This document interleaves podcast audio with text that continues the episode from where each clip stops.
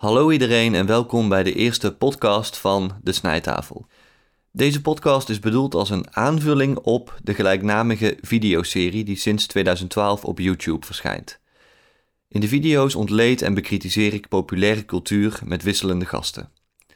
De vorm van de video's is behoorlijk strak. We ontleden steeds één of hooguit enkele bronnen van A tot Z en trekken vervolgens onze conclusies. Zo worden mijn gast en ik gedwongen te concentreren en te concretiseren. Tijdens de montage vindt een verdere concentratie plaats, waarbij 80 à 90 procent van het opgenomen materiaal sneuvelt. Het resultaat is, hopelijk, een natuurlijk aanvoelend, gestructureerd gesprek dat bijna helemaal bestaat uit onderbouwde kritiek. Een nadeel van deze vorm is dat hij weinig ruimte laat voor uitweidingen en zijsporen. Mijn gast en ik kunnen maar een stukje van onze gedeelde interessegebieden bestrijken, omdat we de concrete bron niet uit het oog mogen verliezen. Een ander nadeel is dat oneenigheid tussen mij en de gast al snel de gezamenlijke ontleding bemoeilijkt en dus grotendeels vermeden of weggeknipt moet worden, terwijl meningsverschillen tussen gelijkgestemden juist erg interessant kunnen zijn. De bedoeling van deze podcast is die tekortkomingen op te vangen met langere, vrijere en minder zwaar gemonteerde gesprekken, waarin algemene bespiegeling, verandering van onderwerp, discussie en twijfel onbeperkt zijn toegestaan. Ik verwacht dat de gasten in de podcast grotendeels zullen overlappen met die in de video's, al betekent de mogelijkheid tot discussie natuurlijk ook dat er gesprekspartners in aanmerking kunnen komen met wie ik te grote verschillen heb voor een gezamenlijke kritiek. Er is nog een andere manier waarop de podcast een aanvulling kan zijn op de video's. Een groot deel van de video's is ook zonder beeld goed te volgen en een peiling op Twitter suggereerde dat een groot deel van het publiek van de snijtafel geïnteresseerd is in luisteredities van de afleveringen.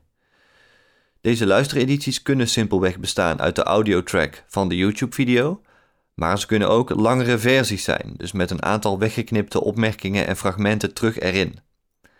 Wat het beste werkt, zal ik per geval beoordelen. Een podcast opzetten is iets waar ik heel lang en heel langzaam mee bezig ben geweest. In 2017 en 2018 heb ik zelfs meerdere podcasts opgenomen waar ik nog niets mee heb gedaan. Gelukkig zijn de onderwerpen nog steeds relevant en kan ik ze met een paar kanttekeningen alsnog publiceren. En laat ik daar dan ook maar snel mee beginnen. Zometeen volgt mijn uitgebreide gesprek met filosoof Maarten Boudry op 7 oktober 2017. We spraken over zijn boek Illusies voor Gevorderden, dat toen zijn meest recente boek was, en vervolgens over een aantal andere onderwerpen, waaronder godsdienst. Veel luisterplezier. Maarten Boudry, welkom in mijn podcast. Misschien ben je wel aflevering 1. Dat weet ik nog niet, maar het zou heel goed kunnen. Ik ben benieuwd.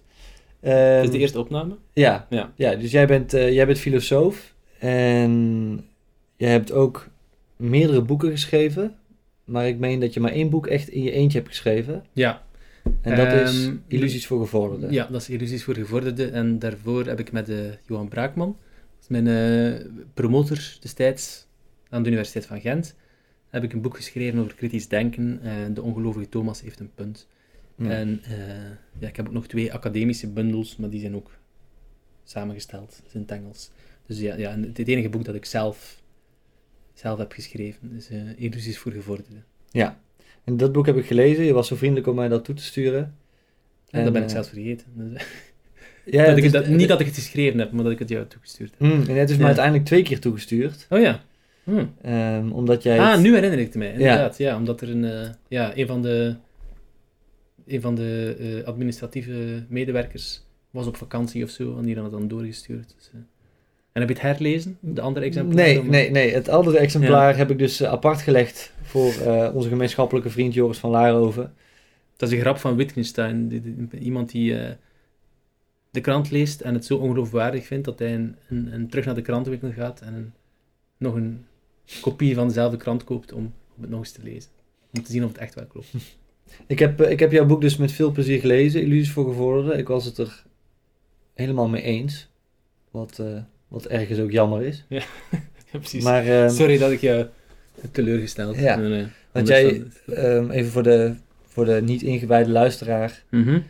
Ehm, jij vraagt je in dat boek af of het mogelijk is, eh, of er heilzame illusies bestaan. Dus Mhm. of het mogelijk is om wetend dat geloof in God bijvoorbeeld, of Ja. geloof in andere niet bewijsbare dingen, Mhm.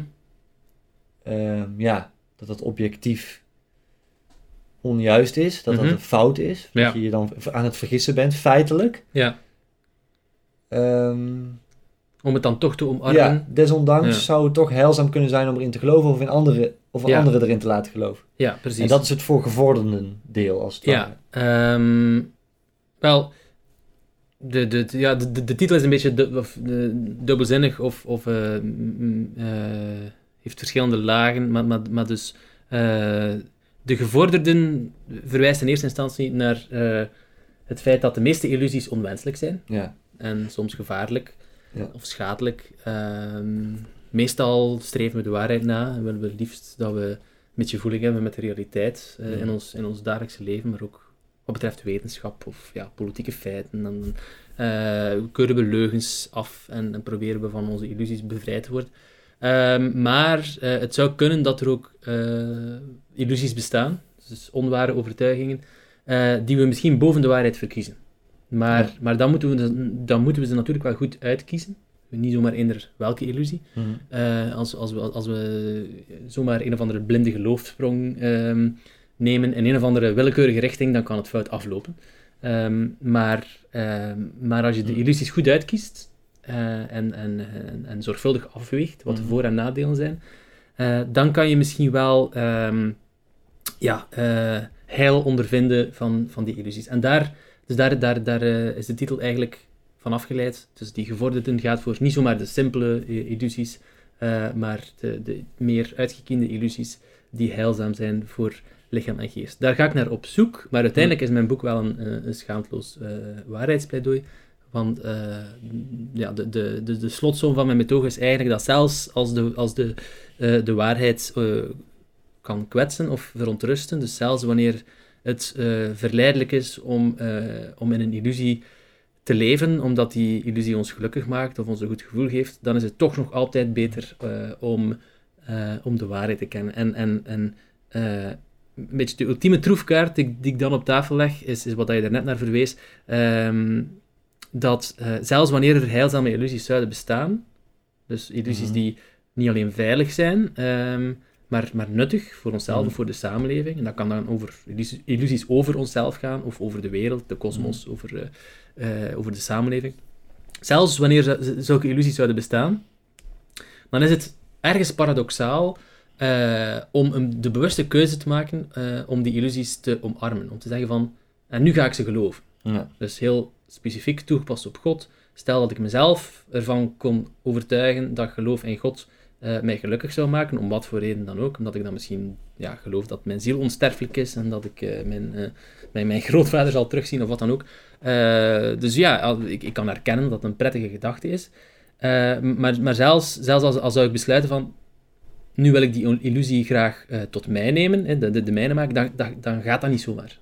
Eh, Nee. En dat heeft te maken met de manier waarop ons, ons brein in elkaar zit. Dat is het, eh, wat ik het principe van de geloofsonwillekeur noem. Je kiest jezelf, je eigen overtuigingen niet. En, eh, overtuigingen zijn eigenlijk dingen die zich aan je opdringen. Een beetje zoals eh ongenode gasten die een feestje binnenkomen en die je heel moeilijk terugkrijgt buitengewerkt. Ehm Woody Allen heeft daar ja, in verschillende films naar verwezen, maar, maar in, in een van die films ehm, besluit hij op een bepaald moment dat hij, ja, dat hij nood heeft aan zingeving en hij, gaat, hij schuimt alle eh, religieuze eh, eh, opties af op de markt en uiteindelijk komt hij bij het katholicisme uit, omdat hij dat de beste religie vindt en hij gaat naar een priester en hij vraagt ja, ik, ik zou graag lid worden van jullie kerk, want ik vind de, de, de gebouwen en de rituelen en de gezangen en zo, ik vind het allemaal fantastisch. Jullie hebben zo'n traditie. Er is één probleem, ik geloof er geen bal van. Dus ik, ik, geloof, ik geloof niet in God. Eh, wat, wat, wat moet ik doen? Wat, Ja. wat moet ik, eh, wat moet ik doen om mezelf ertoe te brengen om in God te geloven? Moet ik, moet ik, moet ik eh, eh, paaseieren verven of zo? Moet ik, moet ik iets, eh, moet ik, moet ik eh, kerststalletjes bouwen? Of, of, eh, en, en, en hij, hij trekt het een beetje in het belachelijke, maar eigenlijk is het een, eh, een interessant filosofisch punt. Het is inderdaad onmogelijk om met je vingers te knippen en hem te zeggen, en nu ga ik in God geloven, of, of eender wat. Of nu ga ik geloven dat ik een geweldige violist ben, of zo, als je Ja. dat niet bent. Ehm, en en eh, in- een, een, een, een ern- ernstige filosoof die daarover geschreven heeft, is bijvoorbeeld Blaise Pascal. Dus die eh, in de context van zijn beroemde waagschaal eh, van... eh, eh, ja, kan heel, heel kort, dus dat, dat, dat het eigenlijk ehm, in, in iedereen's voordeel is om maar in God te geloven, omdat je er Mm. niets bij te verliezen hebt. Eh, ik denk dat dat argument wel eh, vertrouwd is. Eh, wat minder bekend is dat hij na dat argument eigenlijk het probleem aanpakt van die geloofsonwillekeur. Want ook, ook Pascal besefte dat het zelfs indien zijn argument overtuigend was, zelfs al hadden we er inderdaad niets bij te verliezen eh, om in God te geloven en alles bij te verliezen om, om, om niet in hem te geloven, dan is het nog altijd eh, paradoxaal om, om, om dan eh, te beslissen dat je vanaf dan in God gelooft. En de oplossing die Pascal voorstelt aan, ja, aan hardleerse atheïsten, maar atheïsten die Mhm. wel de motivatie hebben om, Mhm. om in God te geloven, is doe gewoon mee. Ga, ga naar de kerk, doe mee aan de rituelen, zink op je knieën en, en, en doe dat lang genoeg totdat het, totdat het onder je huid kruipt. Ehm, dat is een vorm van, van zelfmanipulatie, eigenlijk een soort van eh, zelfbedrog. Maar, maar ook daar is- de paradox, je mag er niet te veel bij nadenken, maar op het moment dat je beseft dat je dat, dat, je dat aan het doen bent, dat dat je intentie is, dan eh, ondergraaft dat de, de, de hele onderneming. Dus, ik ben een beetje aan het uitweiden, maar, maar het, het algemene punt is, illusies zijn gevaarlijk en, en, eh, en, en, en zelfs wanneer ze onschuldig lijken, dan hebben ze toch vaak vertakkingen in ons denken en, en kunnen ze tot, tot aanvaringen met de werkelijkheid leiden. Maar zelfs al zouden er nuttige illusies zijn, dan ben je eigenlijk nog nergens. Dan, Ja. Want dan, dan, dan kan je er niet eh, voor beslissen om, om die illusies gewoon eh, te accepteren. Ja, dat herinner me ik, ik me inderdaad als ehm, een van de interessantste punten uit je boek. Mhm. En ook een punt dat ik dus nog niet eerder had gelezen of gehoord. Dat je niet kunt kiezen waarin je Ja. gelooft. Dus dat je jezelf niet 100% iets kunt wijsmaken. Ja, ja de, de, de, er bestaat natuurlijk wel zo'n concept als zelfbedrog. Zelfbedrog is, een, Mhm. is, een, is een reëel eh, psychologisch fenomeen. Eh, maar het is veel subtieler dan, dan, dan vaak wordt aangenomen. Of eh, je, je, dus je, je kan niet zelf de, de, Ja. de intentie formuleren om, je, om jezelf te bedriegen. Dus bij, bij, bij normaal bedrog is er ja, één, één iemand Ja. die, weet ik veel, die gelooft dat Sinterklaas niet bestaat, maar die Hmm. iemand anders wijsmaakt dat Sinterklaas wel bestaat. Daar is geen enkele paradox mee gemoeid, dat is gewoon liegen. Dat is Ja. iemand eh, eh, ja, iets, iets voorspiegelen.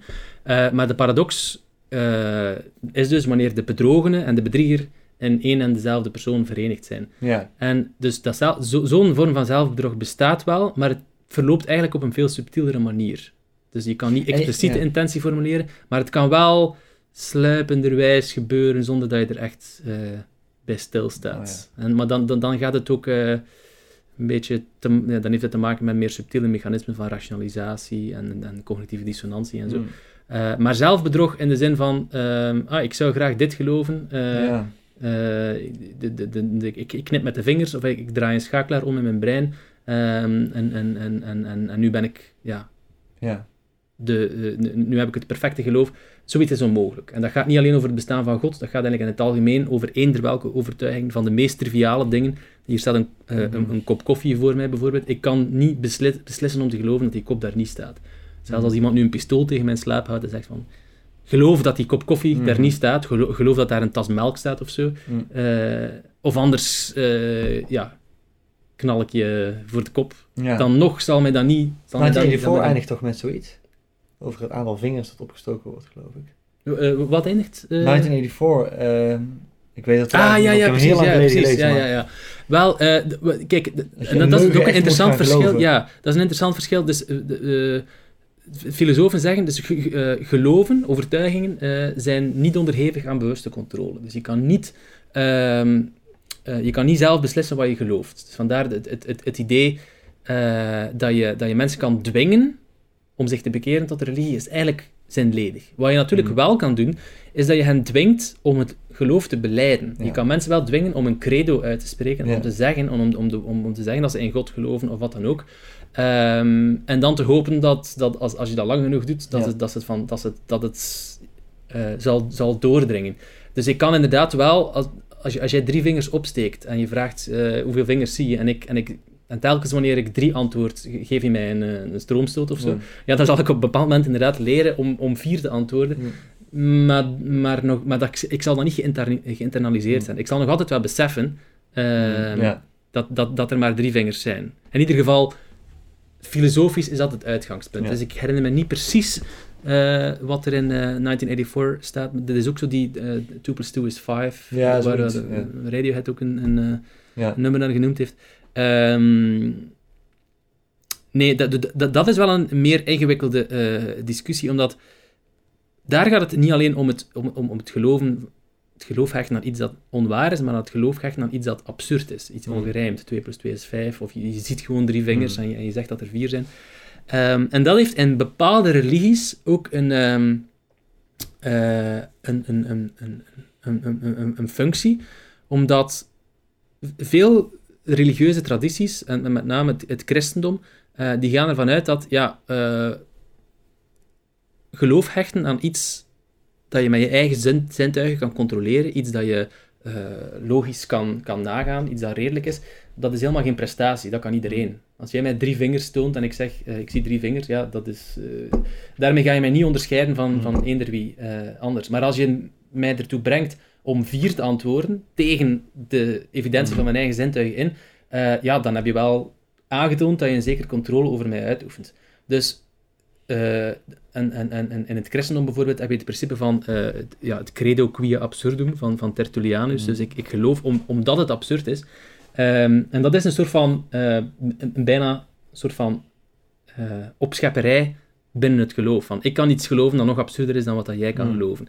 Eh, en dat heeft een eerder sociale functie. Dus dat je, ehm, naarmate dat je eh, een grotere inspanning moet leveren om, om iets te geloven, of, om- of althans om te beleiden dat je iets gelooft, eh, zegt het meer over jezelf. Hmm. Eh, dus is het ook een, een, een meer betrouwbare signaal bijvoorbeeld dat je tot een bepaalde groep behoort. Het is, iedereen, iedereen kan, kan geloven dat, dat de maan bestaat en de zon eh, en, en, en, en, de, en de getijden en de seizoenen en wat nog allemaal. Dat zijn, dat zijn allemaal zaken die, die universeel zijn en waar we geen enkele moeite voor moeten leveren. Maar iemand die op een of andere mysterieuze wijze gelooft eh, dat er een God bestaat die tegelijkertijd drie is en Hmm. één, eh, dat is iets dat, dat absurd lijkt en net daarom Ja. zo handig is binnen een religieus geloofssysteem, om, om, omdat het toont hoe, hoezeer dat je bent toegewijd aan, aan, aan dat geloof. Of dat, dat, dat, dat de eh, wijn in bloed kan veranderen, of eh, dat soort dat- ab- absurditeiten.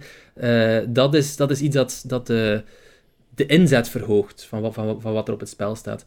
Maar dus, om terug te keren naar, naar het puur filosofische punt, als je, als je, dus, als je je beperkt tot echt het, het geloven, dus overtuigingen hebben over de wereld, ehm, in principe dus kan je daar zelf geen controle over uitoefenen. Dat zijn, Ja. dat zijn zaken die je overvallen. Eh, ehm, het enige wat je kan doen is bepaalde woorden uitspreken. Je kan een bepaalde attitude aannemen. Je kan zeggen, ik geloof dat God eh, drievuldig is. Je kan het credo uitspreken. Eh, maar dat op zich is nog iets anders dan het echte geloven. En hoe zit het dan met iemand anders zo'n heilzame illusie wijsmaken? Ja, dat is heel eenvoudig. Wel, goed, als iemand naïef is. Eh, dus iemand anders een heel, heilzame illusie eh wijsmaken, dat is, dat, dat is een... ehm, ja, dat is eigenlijk een uitweg uit de, de, de paradox van heilzame illusies eh, die, die ik beschrijf. Dus, dus Ik heb je boek gelezen, dus ik weet, ja, ik precies. weet het, ja, maar, ja, ja. maar het lijkt me handig als je het toch even... Ja, ja, precies. De, de, ehm, dus we kunnen voor onszelf niet beslissen welke illusies goed voor ons zijn en dan eh, met de vingers knippen en, en dan Mhm. bes- besluiten om die illusies te geloven. Maar wat, wat, wat we eventueel wel kunnen doen, is ons laten bedriegen door iemand anders. Of andersom, eh, wij kunnen andere mensen gaan bedriegen. Eh, en, en daar heb ik dus die paradox niet. Dus, en dat, dat, dat bespreek ik in, in hoofdstuk 8 van mijn boek. Dat is het, het, ja, het zogenaamde paternalisme. Dus paternalisme is een situatie waarbij ehm, een goedaardige bedrieger in, in het belang van de bedrogene kiest voor heilzame illusies. Ehm, en dat is in principe mogelijk. Dus mensen kunnen hun kinderen wijsmaken dat Sinterklaas bestaat, omdat ze denken dat dat een prettige illusie is om Mhm. eh, om als kind in te geloven. Eh, een dokter kan zijn patiënt wijsmaken dat eh, een homeopathisch middeltje tegen de griep echt werkt, omdat hij erop rekent dat de patiënt dan op zijn minst een placebo-effect zal ondervinden en, en, en, en daar heil van zal Mhm. ondervinden. Ehm, dus dat zijn allemaal situaties eh, waarbij iemand anders eh, in onze plaats uitmaakt wat, er, eh, wat een heilzame illusie voor ons is. En daarmee ontsnap je aan de paradox, omdat, omdat er dan iemand is die een oogje in het zeil kan houden, Ja. in principe. Ehm, als iemand op eigen, op eigen huidje zichzelf heeft overtuigd van de werking van homeopathie. Ehm, eens hij daar echt van overtuigd is, eens hij bevangen is van die, van die, van, van die eh, illusies, ehm, is het moeilijk om te voorspellen waar, waar hij zal uitkomen. Dus geloof heeft nogal de neiging Mhm. om onvoorspelbare eh, neveneffecten te hebben. Dus iemand die bijvoorbeeld gelooft dat eh, homeopathische middeltjes tegen de griep werken, die, die kan daaruit afleiden bijvoorbeeld dat homeopathie ook werkt tegen meer ernstige aandoeningen, zoals kanker of, of tegen malaria. Er zijn eh, concrete voorbeelden van, van mensen die, eh, die net de tropen trekken, bijvoorbeeld met de eh, homeopathische middeltjes tegen malaria. Dus het probleem is, eens dat je bevangen bent door een illusie, kan die illusie zich, zich gaan vertakken in je denkweefsel en kan die op een of andere manier, on- onvoorspelbare manier, botsen met de werkelijkheid. In principe kan je dat vermijden als je dus met een paternalistische bedrieger werkt, dus iemand die wel van de waarheid op de hoogte is en die een beetje in de gaten houdt eh, wanneer het eventueel gevaarlijk zou kunnen Mhm. aflopen. Dus eh, de paradox van, van, het, van de geloofsonwillekeur eh, die ik daarnet beschreef, die kan je daar wel mee, mee, mee gaan vermijden. Ehm, maar het, het, het probleem dat ik met paternalisme natuurlijk eerder heb, is een, is een ethisch probleem. Ik vind het niet verantwoord dat je met, met volwassen mensen op een dergelijke manier omgaat. Mm. Eh, daar, daarbovenop is het ook nog maar de vraag of een paternalistische bedrieger echt zo'n controle kan uitoefenen oefenen over eh, het, eh, het geloof van zijn klant. Misschien eh, kan, het ook, kan het er ook op uitdraaien dat, dat hij op een bepaald moment die controle verliest en dat het uit de hand begint te lopen. Als hij de patiënt een homeopathische middeltje tegen de, de griep voorschrijft, een, een leugentje om best wil, eh, en, die, en, en die patiënt wordt daar beter van, dan kan het zijn dat die patiënt plotsklaps een, een, een, een believer in homeopathie wordt Ja.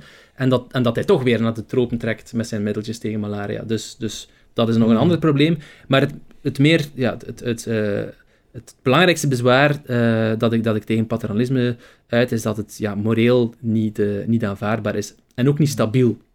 Er ontstaat Eh, want- wantrouwen natuurlijk op termijn. Als mensen erachter komen dat je... Ja, ja precies. Ja, dan, dan is het dan, dan in de situatie van de arts bijvoorbeeld, eh, eh, is het ook zo dat, dat het op de lange termijn inderdaad het, het vertrouwen in de, in, in de geneeskunde of in de arts Mhm. eh, kan ondergraven. Dus als die arts dat heel bewust doet en, en, en jou naar huis stuurt met een, met een middeltje waarvan dan achteraf blijkt dat er niets in zat, eh, ja, dan ga je, je je arts niet meer vertrouwen, ook op, ook op de momenten wanneer hij jou echt iets voorschrijft dat, dat werkt. Dus dan ga je eigenlijk ook, ook op die manier nadelige effecten van, van ondervinden. En ik geef Ja. daar het, het voorbeeld van het middel Obekalp, dat eh, Ja. ooit door, eh, door, door een arts werd ge- eh, geïntroduceerd als, als middel tegen eh, menstru, eh, menstruatiepijnen. Ehm, dus hij schreef dat voor voor ja, eh, vrouwen die ehm, eh, last hebben van, eh, eh, van, van, van menstruatie. En eh, tot, tot zijn eigen verbazing stelde hij vast dat dat, dat middel eh, ook werkte tegen eh, een heel aantal andere aandoeningen. Ehm, Mhm. nu, de clue van de zaak was natuurlijk, eh, daar zat helemaal niets in in dat middel. OB Kalp, als je het eh, ziet hoe het geschreven is, is gewoon het woord placebo van voren naar achter Hmm. gespeld. Ehm, Van achter naar voren. ja, sorry, van achter naar voren gespeld. Ehm, dus die dokter had gewoon een, een, een labmiddeltje voorgeschreven. En zolang dat de patiënt daarin trapt en, en, en, en, daar, en, en dus Mm. echt gelooft eh, dat, hij, dat hij een medicijn meekreeg, is er geen probleem. Dan kan je er inderdaad ehm, een placebo-effect van ondervinden. Dus zolang eh, het geloof intact blijft, is de illusie heilzaam. Eh, maar dus het, het verhaal van Obikalp is dat, dat een patiënt, een van de patiënten van, van die dokter, thuis kwam en ja, begon op te zoeken hoe, hoe het precies zat met die Obikalp. Hmm. En dan ontdekte dat het eigenlijk gewoon om, om een, om een placebo-middel ging. Hmm. En die voelde zich natuurlijk bedrogen. En op dat moment ja, is het vertrouwen in de arts natuurlijk Hmm. volledig, eh, volledig ondergraven. Dus het- hetzelfde, ehm, hetzelfde geldt bij, bij homeopathie. Eh, ofwel is de dokter echt zelf oprecht geloofd van homeopathie, en dan kan het opnieuw gevaarlijk worden. Mhm. Ofwel is, het, is de dokter gewoon een, eh, een, een paternalist die Hmm. zijn patiënten illusies voorspiegelt. En dan is het om morele redenen verwerpelijk. En eh, daarbovenop kan het ook op, op de lange termijn schadelijke gevolgen hebben, omdat het het vertrouwen in de, in de arts ondergraaft. Hmm. Hetzelfde argument kan je, kan je zelfs tot op zekere hoogte maken als het gaat over eh, het geloof in Sinterklaas. Dus Ja. ik denk wel dat je ook aan te denken. eh, dat, je, dat, dat, dat er voor kinderen andere, andere standaarden gelden. Eh, dus de, de kinderen die hebben nog geen eh, volledige autonomie. En we, Die hebben een echte pater, zou ik kunnen zeggen. een echte pater. in de zin van paternalisme. Die hebben echt Ja, een ja, vader precies. die- Ja. En, en, en die, die, die persoon moet soms in het belang van het kind gaan uitmaken wat er, eh, wat wat er goed voor dat kind is. Dat het kind moet soms aanvaarden dat het eh, op tijd moet gaan slapen, zonder dat daar Mhm. een heel eh, overtuigende, uitgebreide reden voor wordt gegeven. Dus ik denk wel dat je, dat je met kinderen soms ja, op een paternalistische manier kan, kan omgaan, omdat ze nog Mhm. geen volledige morele autonomie hebben. Maar toch gaat dat argument van het ondergraven van, van, van, van het vertrouwen ook op wanneer het gaat over eh, Sinterklaas. Mhm. Eh, dus er zijn gevallen bekend van kinderen die uiteindelijk eh, ja, onvermijdelijk te weten komen dat Sinterklaas niet bestaat. Dat is ook een heel mooi voorbeeld van een illusie die vroeg of laat doorprikt wordt. Dus het kan iets, ietsje vroeger gebeuren of ietsje later. Maar op een bepaald moment ja, bezwijkt die gewoon onder het gewicht van haar eigen contradicties. Mhm. Kinderen komen het wel te weten. Dat is onvermijdelijk. En, en dan is de vraag hoe dat ze daarmee omgaan. En nu, bij de meeste kinderen zorgt dat niet voor zoveel problemen, maar er zijn ook kinderen die er, die er, eh, ja, die er niet goed van zijn, dat zij zo lang werden voorgelogen door hun, door hun ouders. Die dan de bedenking maken van ja, als ze, als ze mij dit hebben wijsgemaakt, als ze mij zo lang hebben voorgelogen, eh, zelfs wanneer ik kritische vragen heb gesteld, Mhm. eh, wat hebben ze mij nog, nog zoal wijsgemaakt? En, en het kan dus tot een vertrouwensbreuk met de ouders leiden wanneer een kind beseft eh, dat, dat ouders onder bepaalde omstandigheden in staat zijn om gewoon keihard te liegen. Mhm. En één indirecte indicatie daarvoor, die ik zelf wel leuk en grappig vind, is dat ehm, eh, evangelische christenen in de Verenigde Staten en, en elders ehm, een heel praktisch bezwaar hebben tegen de hele Sinterklaas-traditie of de Santa Claus-traditie. Eh, zij zeggen, ja, eh, maar eigenlijk wat, dat we, wat dat we daarmee duidelijk maken, het signaal dat we daarmee uitzenden naar onze kinderen is, ja, wij, wij maken jullie van alles wijs.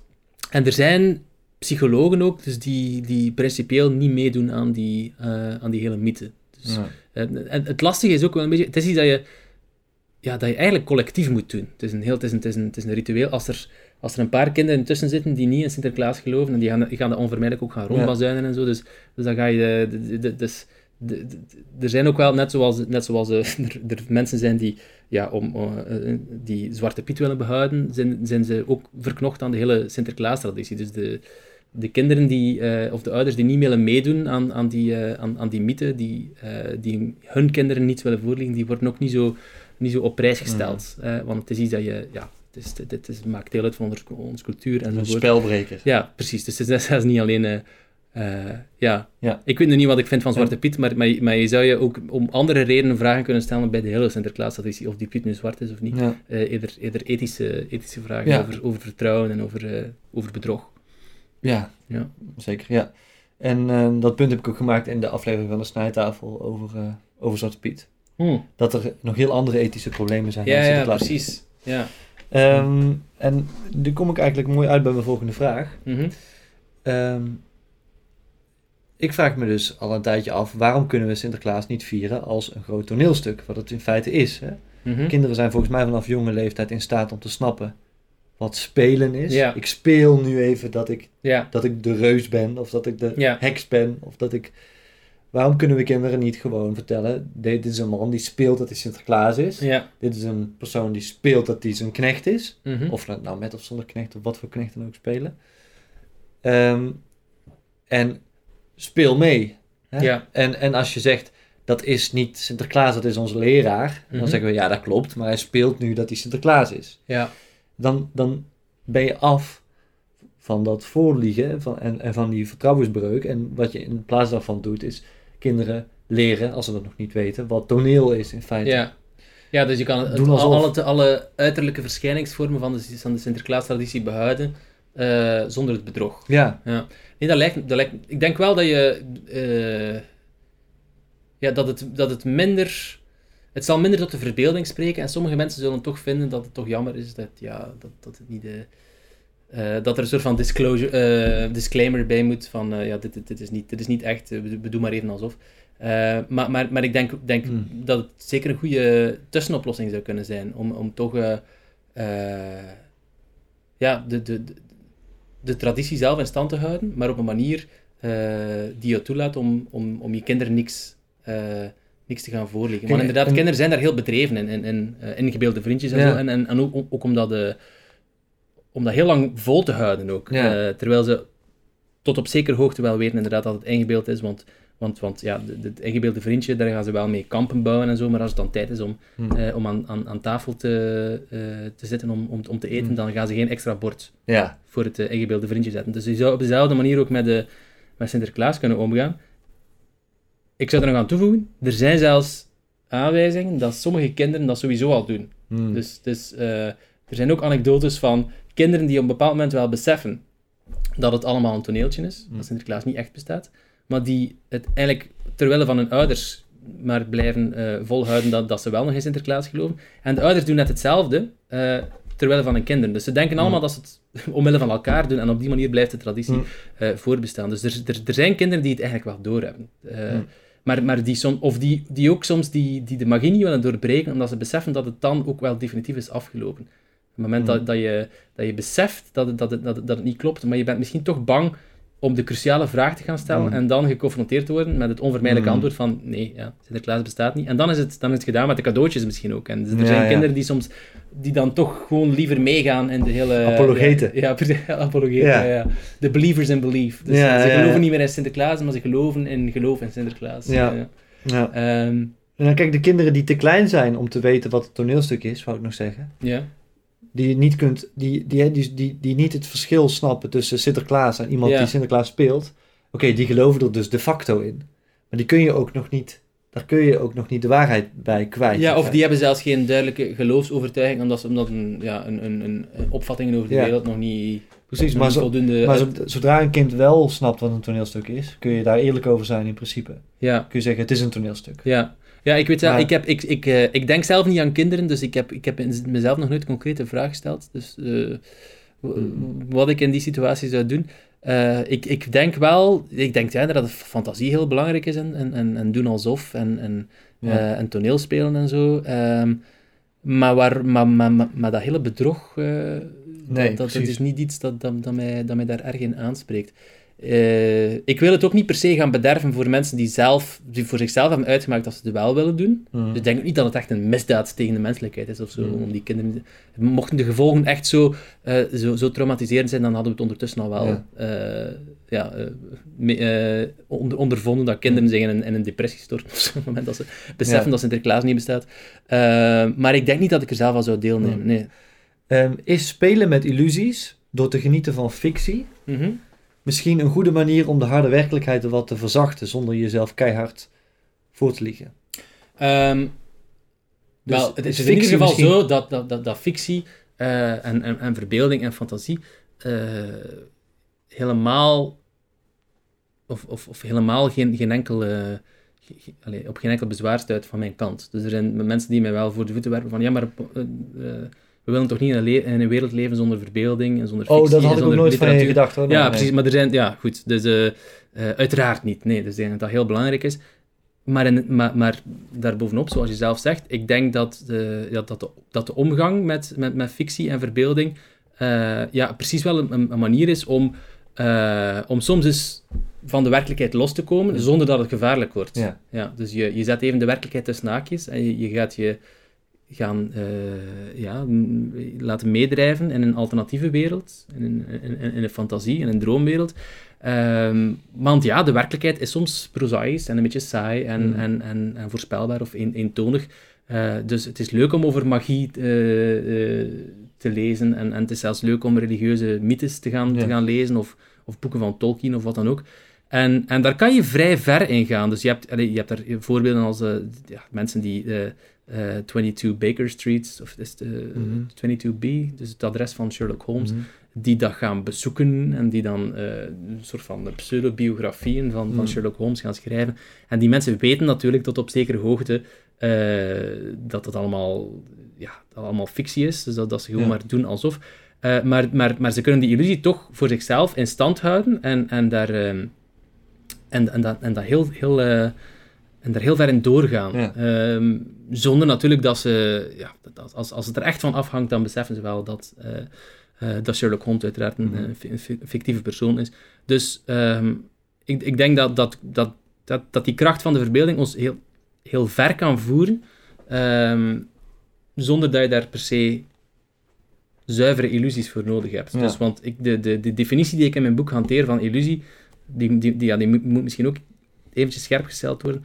Ehm, dus een illusie, ja, het woord illusie heeft verschillende betekenissen, maar in, in, in mijn boek eh, definieer ik illusies als onware overtuigingen. Dus je hebt een overtuiging over de werkelijkheid, over jezelf, over de wereld, over de samenleving, en die strookt niet met, met de wereld. Is alsof dat je een Mhm. pijl afvuurt op de wereld, en in plaats van dat je in de roos zit, eh, zit je er volledig naast.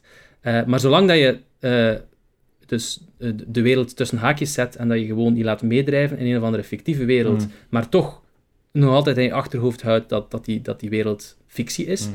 zolang dat je dat doet, leef je niet in een illusie zoals ik die definieer.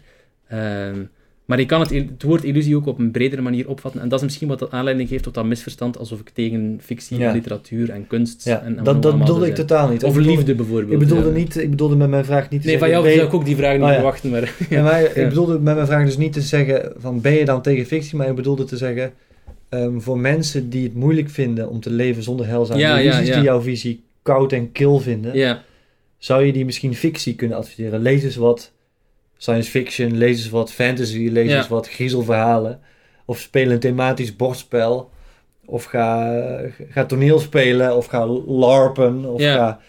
Dus, dus, ik denk eh, dat je tot op zekere hoogte wel in, in, die, in, die, eh, in die behoefte kan voorzien eh, zonder illusies, dus aan de hand van fictie en verbeelding en nog allemaal. Maar ik, ik, ik herken wel dat er, zijn, er zijn bepaalde zaken eh, die je inderdaad zou moeten opgeven. Dus de, waarheid is soms pijnlijk. Eh, en als het nu, dus om, om, het heel concreet te maken, er is een verschil tussen het oprecht geloof in een hiernamaals, dat je je, je, je, grootvader zal terugzien, of dat je voor- eeuwig zal leven, en, en de prettige verbeelding, dat, dat zoiets mogelijk is. Hmm. Het tweede, daar ben ik ook toe in staat. Ik kan, me, ik kan me dat levendig voorstellen. Ik heb het ooit geloofd, dat ik mijn Hmm. grootvader zou terugzien.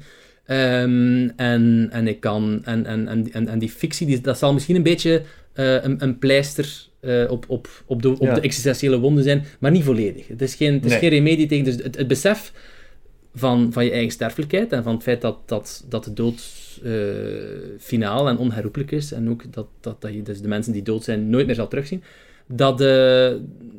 ik, ik kan begrijpen als mensen zeggen, ja, eh, die, die verbeelding die je mij nu probeert eh, voor te schotelen als alternatief, dat is eigenlijk maar een, eh, een, een, een, een, labmiddeltje of een Ja. pleister op een houten been, of wat, ik weet niet wat de, de uitdrukking precies is.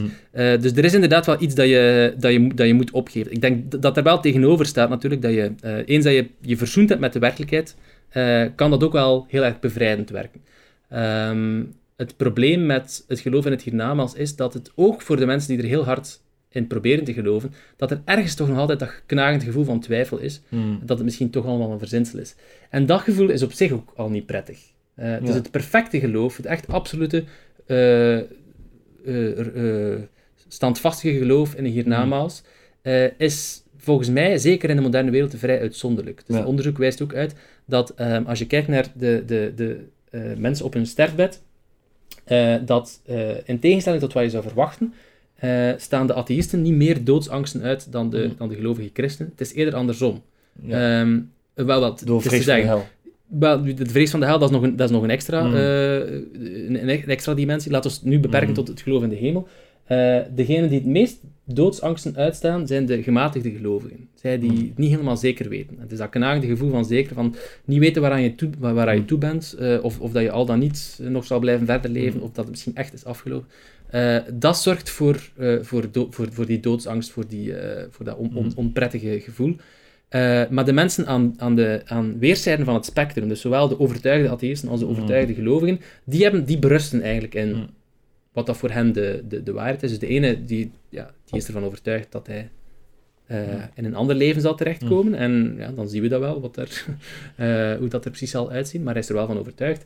Eh, en dan de atheïst aan de andere kant, die weet dat het, dat het is afgelopen en die zich daar ook heeft mee verzoend. Mm, mm. Dus, dus in tegenstelling tot wat veel mensen denken, is, het, is, geloof, is geloof alleen maar eh, geruststellend als, je het, als het echt volledig waterdicht is. Hmm. Dus van zodra dat je, be- dat je eraan begint te twijfelen, ben je eigenlijk slechter af dan de atheïst. Hmm. Omdat de atheïst, ja, die, die weet gewoon eh, wat de waarheid is.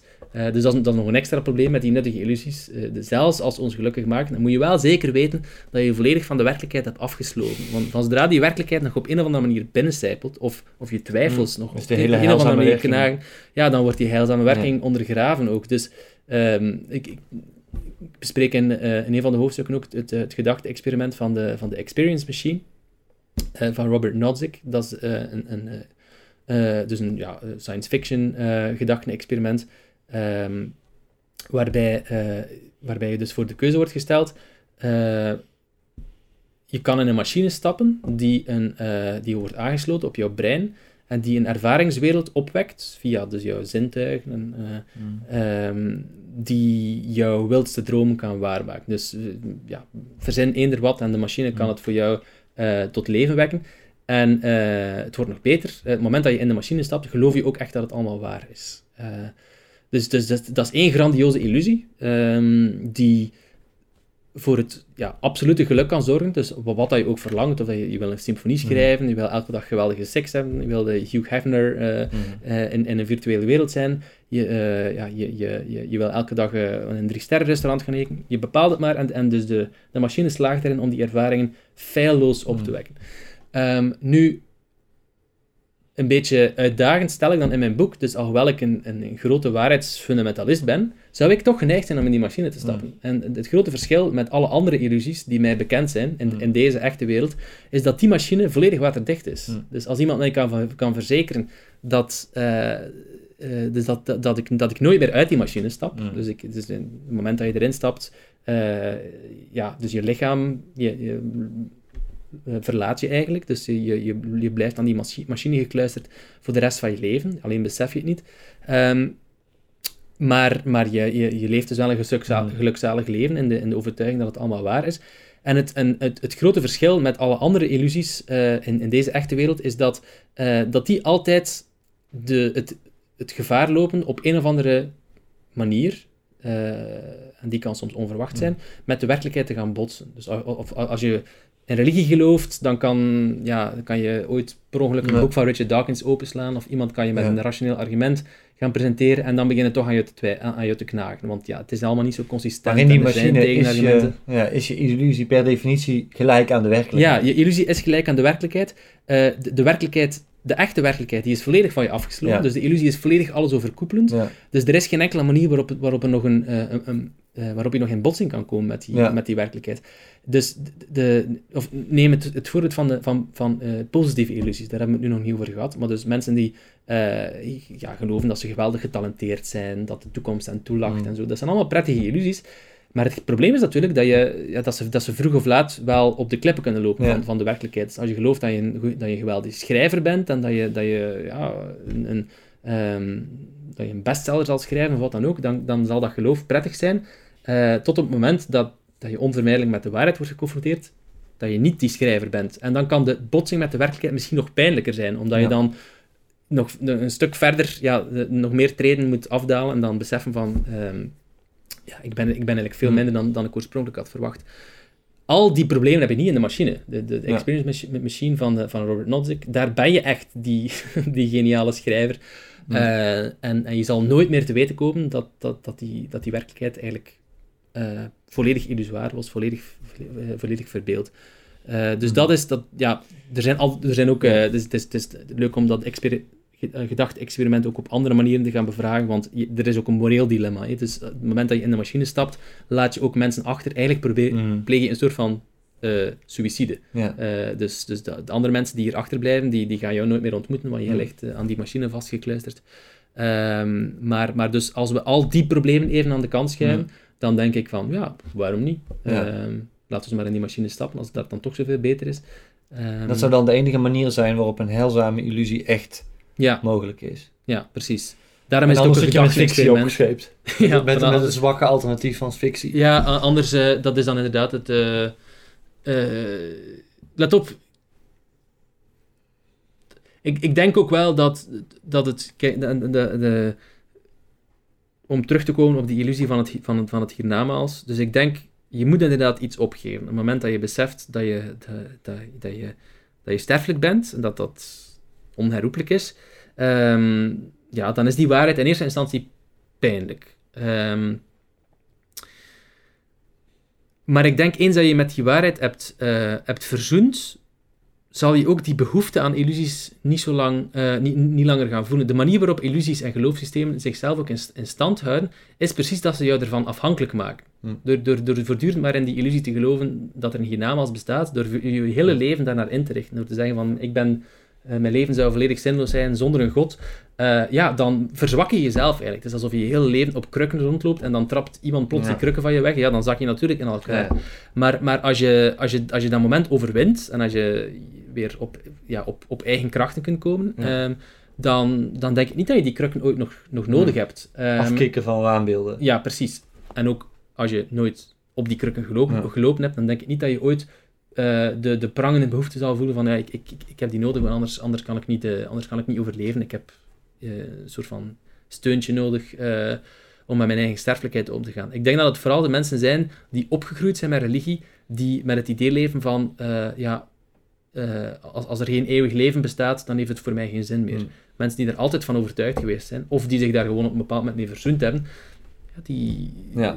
die, die, die, die, ervaren dat zelfs als, als bevrijdend en, en um, en daar reken ik mezelf ook toe. Dus uh, ik heb ooit zelf in, uh, in het hiernamaals geloofd. Mm.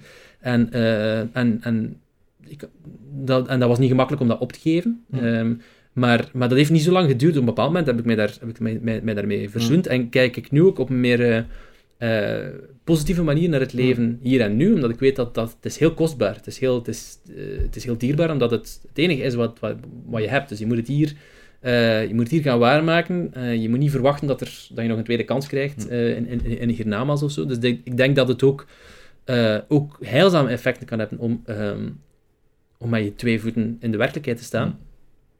want er zijn veel mensen die, omdat ze met hun ogen zo gericht zijn op dat leven hierna, dat ze hier allerlei offers maken, dat ze zichzelf hier allerlei dingen aandoen, zelfs kwellingen en zo, omdat ze denken van, ja, maar eens ik dood ben, dan, zal alles, dan zal alles goed komen. Um, dus ik, ik, dit is maar een beproeving. Hier moet ik, uh, ja, hier, uh, hier moet ik gewoon een vroom leven leiden uh, in afwachting van wat van mij te wachten staat. Dat is heel treurig ergens. Mm. Dus dat, niet alleen, dat, het, ja, dat, het, dat, het, dat het bedrog is. Dus eigenlijk mensen hebben een bepaalde verwachting gesteld, hebben ook bepaalde offers gemaakt voor iets waarvan ze verwachten dat ze het ooit zullen krijgen, een soort van investering die ze maken, van ik, ja. geloof in God en ik leed een, een, een, een zuinig en een, en een vroom en devoot leven en uiteindelijk zal ik daarvoor beloond worden.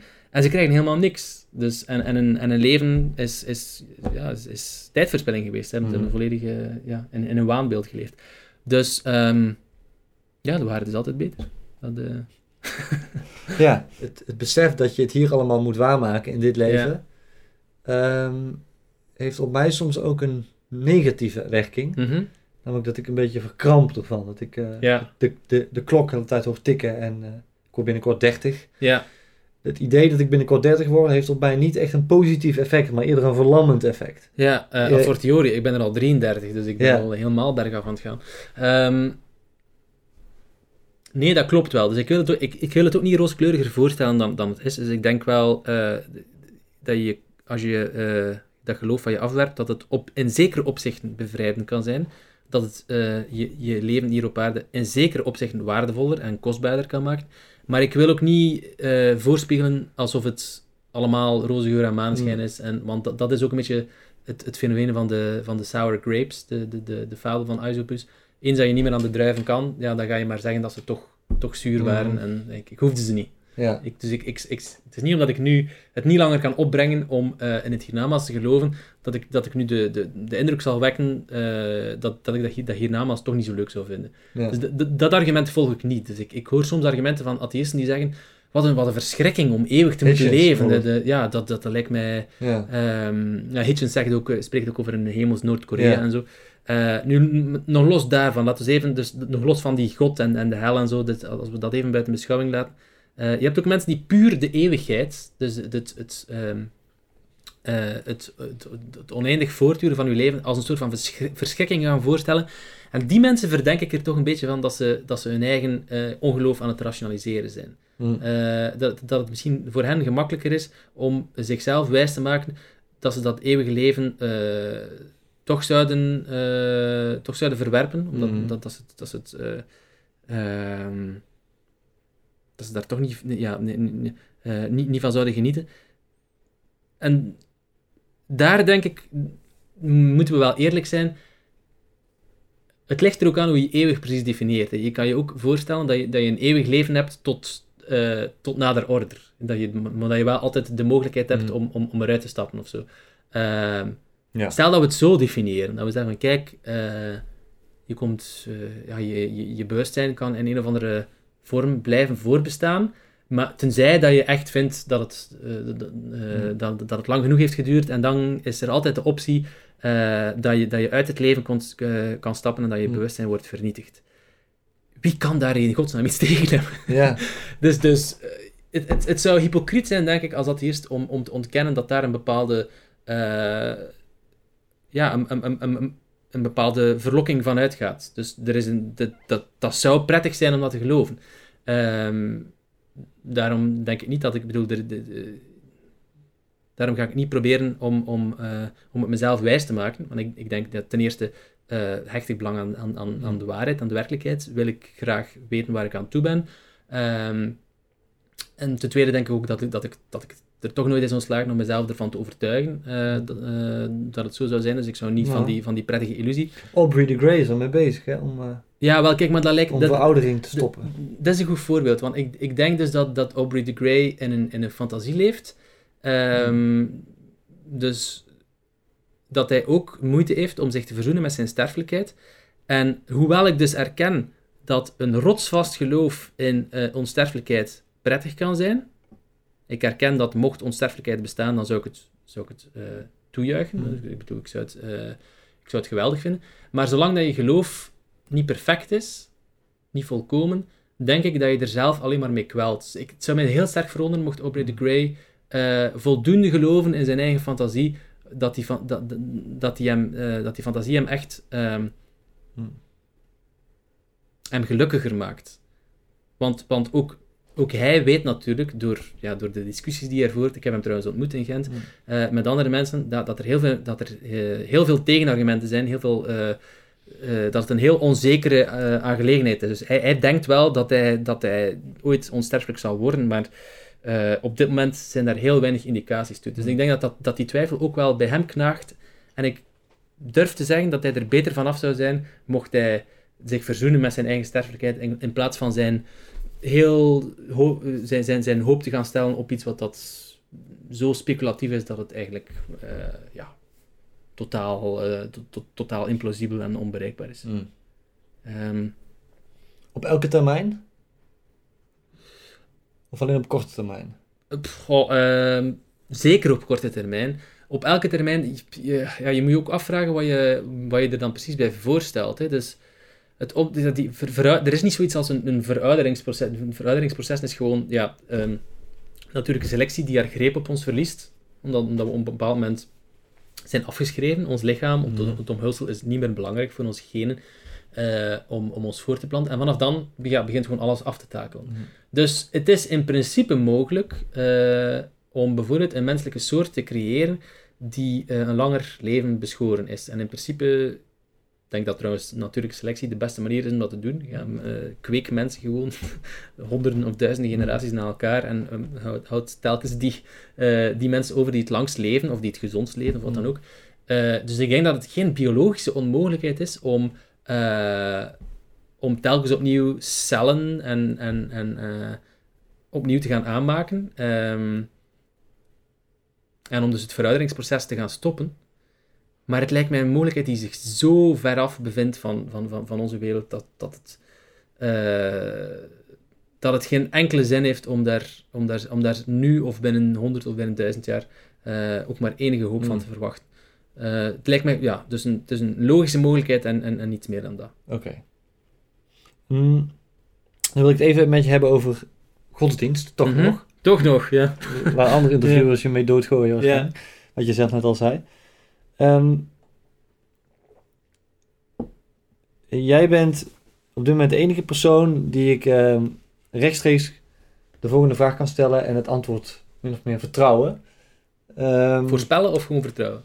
uh, uh, nee, nee niet, niet voorspellen, juist niet voorspellen. Maar ja, ja, uh, ik verwacht van jou dat jij er een goed antwoord op hebt. Ja.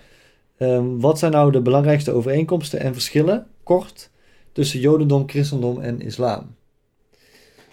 Um, de verschillen zijn minder groot dan, dan de overeenkomsten. Ik denk dat dat het eerste belangrijkste punt is. Um, de, de, de, mensen die, die een uh, grote kloof zien tussen de islam aan de ene kant en de judeo-christelijke cultuur mm. aan de andere kant, die hebben bepaalde ideologische uh, motieven, een bepaalde mm. agenda, uh, maar die, die strookt niet met de, met, met, de feiten. Dus ja, ten eerste, de godsdiensten zijn met elkaar verwant. Ze zijn aan dezelfde lood van de, van de boom um, van religieuze tradities ontsproten. En ze hebben ook heel veel inhoudelijke overeenkomsten. Ja, monotheïsme is er één van. Uh, het geloof in uh, niet alleen uh, een oppergod, maar één ware god en geen enkele andere. Dat is een vrij unieke hmm. vondst van, van, van, van dus vrij recente datum. Dat dus alle andere religieuze tradities um, in de, de millennia daarvoor, die uh, hechten geloof aan een, een, verscheidenheid van bovennatuurlijke wezens. Uh, er waren wel volkeren die dachten dat hun god de, de machtigste of de beste of de sterkste was van allemaal. Maar het idee dat er maar één god bestaat en dat alle andere verzinsels zijn, of, of misschien duivels, uh, dat is een, een, een vrij, um, een vrij unieke uitvinding. Um, en die, dat is al één, één eigenschap die ze met elkaar delen. Ja. Um, een aantal details niet in aangesproken, hè, zoals de drievuldigheid en de, de heilige verering en zo, maar dus laten we dat nu even uh, buiten beschouwing laten. Um, het zijn ook alle drie openbaringsgodsdiensten, uh, wat, wat ook bijzonder is. Het zijn mm. godsdiensten van het boek. Uh, niet alleen van zomaar een boek, maar boeken die mm. ze van elkaar hebben ontleend. er zijn mm. heel veel verhalen die ze met elkaar delen. Um, heel veel mythes, heel veel concepten um, die, die, die, die ja, die, ze, die ze nou met elkaar verwant maken. Um, in het bijzonder denk ik dat het, het christendom en de islam echt zo, zo sterk op elkaar lijken dat het eigenlijk gewoon een soort van zusterreligie zijn. Dus tot, tot op, tot op hmm. zekere hoogte is de Koran ook gewoon een plagiaatstuk van, van, van de Bijbel.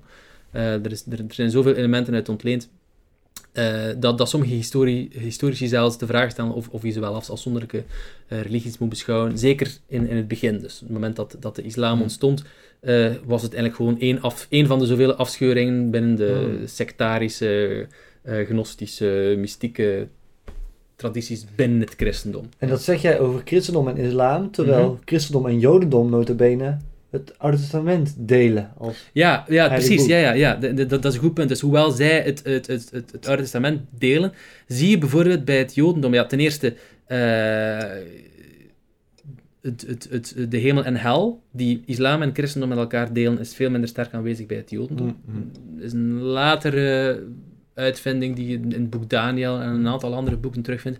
Maar eigenlijk is, is dat, is dat in het Jodendom bijna afwezig. Speelt in ieder geval geen belangrijke rol.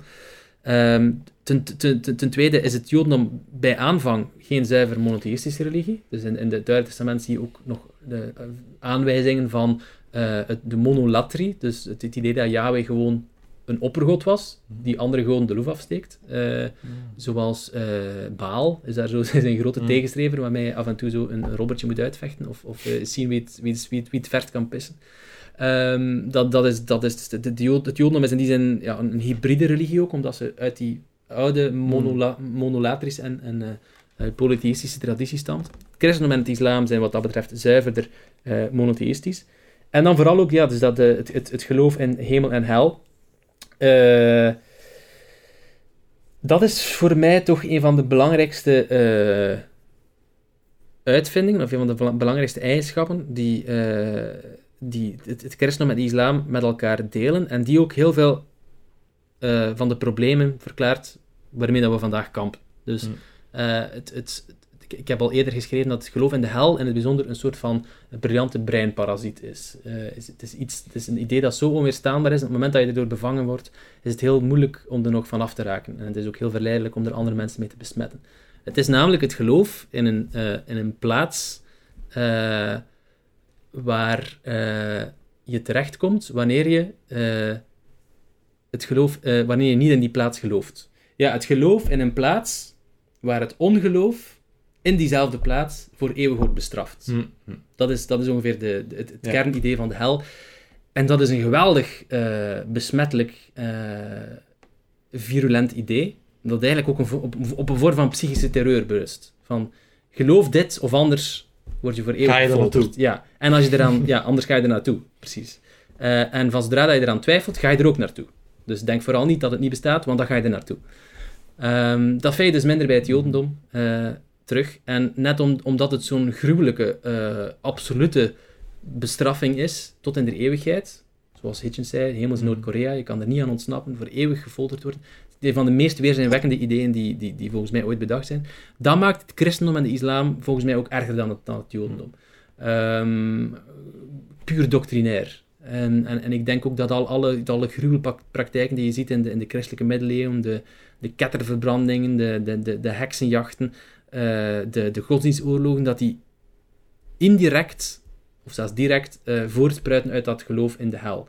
Uh, want eens dat je dat in de weegschaal legt, die, die, die, die, die eeuwige bestraffing, kan je heel veel um, gruweldaden gaan, gaan vergoelijken. Om één voorbeeld te geven, het, het, het, folteren van heksen is binnen het, het geloofssysteem uh, van de hel is eigenlijk perfect, perfect te rechtvaardigen, omdat je daarmee de gemeenschap beschermt. je zorgt ervoor dat die, dat, dat die heksen geen, geen andere mensen gaan besmetten en dus andere mensen ook in de hel gaan doen terechtkomen. En uh, het is ook geen enkel probleem om ze te folteren, want dat is toch wat aan te wachten staat uh, in het hiernamaals, uh, nota bene door een rechtvaardige en bar barmhartige God. Dus het idee van de hel is, is, zodanig pervers dat het, dat het heel veel vormen van gruweldaden kan, kan rechtvaardigen. En vandaag zien we dat vooral in dus, jihadisme. Een factor die volgens mij nog te veel onderschat wordt jihadisten die, die, die, die, ja, die zijn natuurlijk bezig met de beloning, met de 72 maagden en alle, alle fabeltjes die daar rond bestaan. Maar misschien nog in sterkere mate zijn ze bezig met de angst voor, voor de bestraffing. Uh, want waar, waar komt de, de martelaarsdood eigenlijk op neer? Het is een rechtstreeks toegangsticket tot de hemel, wat vooral betekent, het is een absolute garantie dat je niet in de hel zal terechtkomen. Een garantie die geen enkele andere gelovige heeft. Alle andere gelovigen worden uh, op het einde der tijden afgerekend op een levenswandel, maar de jihadist die krijgt een uh, rechtstreeks toegangsticket uh, tot de hemel. Uh, dus van, je, je kan die, die religies natuurlijk op heel veel verschillende dimensies gaan, gaan, gaan vergelijken. Je, je kan bijvoorbeeld zeggen dat de islam, het bijzondere probleem dat de islam stelt, is dat het de, de, de, de oorlogszucht van het Oude Testament, ehm, de genocide en de, en de, en de, en de veroveringsdrang, combineert met het universalisme en de, en de, en de bekeringsdrift van het Nieuwe Testament. En dat is een, op zich een, uh, een redelijk toxische combinatie. Um, die misschien nog explosiever is dan, uh, dan bij het christendom. Maar, uh, maar dan nog is, is het voor 90%, wat alle andere elementen van de doctrine betreft, is het gewoon ja, identiek hetzelfde als het christendom. Mm. Het is ook niet verwonderlijk dat in de in, in, in de middeleeuwen en, en uh, ja, eigenlijk vanaf het ontstaan van de islam, van de islam, de twee blokken, dus het christelijke uh, Europa en dan de, de, de, Arabische wereld, de islamitische wereld, zich heel sterk bewust waren van, uh, van hun, hun nauwe verwantschap. Zij, dus, zij, zij beseften van elkaar dat ze elk binnen hun eigen perspectief um, van de andere dachten. Dat ze heel nauw bij de waarheid aanleunden. Mm. Dus de, de, de, de, de de moslims die wisten van de christenen, ja, maar die, ze zijn er bijna. Dus, dus ze, ze, geloven ongeveer alles wat wij geloven, behalve die ene profeet die wij er nog bij hmm. hebben. En de christenen dachten op een gelijkaardige manier over de, over de islam. Zij hebben er gewoon één te veel bijgenomen. Hmm die valse profeten waar uh, Jezus voor gewaarschuwd heeft. En ze hebben niet goed begrepen dat Jezus niet zomaar een profeet is, maar dat hij de zoon van God is. Maar dat was ongeveer het enige. Dus aan alles, al de rest is daarvan afgeleid. Maar, maar, maar voor de rest hebben ze gewoon, ja, alle andere profeten die, die, die de islam erkend, worden ook door het christendom erkend en vice versa. Uh, het geloof in de ene God, het geloof in de hemel en de hel, het geloof in, um, uh, het, geloof in het geloof om daar terecht te komen. Mm. dat zijn allemaal zaken die ze, die, die ze met elkaar delen. En dat maakt ze ook dat maakt ze ook zo gevaarlijk. Dat, dat, het, het gaat dan om die kleine, die kleine detailverschillen. Dus de, daarom zagen ze elkaar ook uh, als, als, een, als een grote bedreiging, uh, om, omdat, het, uh, omdat ze zo gevaarlijk dicht op elkaars huid zaten. Um, een andere godsdienst, het Hindoeïsme bijvoorbeeld, ja, die is zodanig. die bevindt zich veel verder af van, hmm. van, ehm, zowel het christendom als de islam, en wordt daardoor minder als een bedreiging ervaren, maar iets dat zo, zo hard lijkt op wat je zelf gelooft, mm. maar er toch op cruciale punten van afwijkt. Uh, Pepsi en Coca-Cola. Ja, precies. Dat Freud, ik verwijs niet graag naar Freud, maar hij heeft daar wel een, een mooi begrip voor bedacht. Het narcisme van het kleine verschil.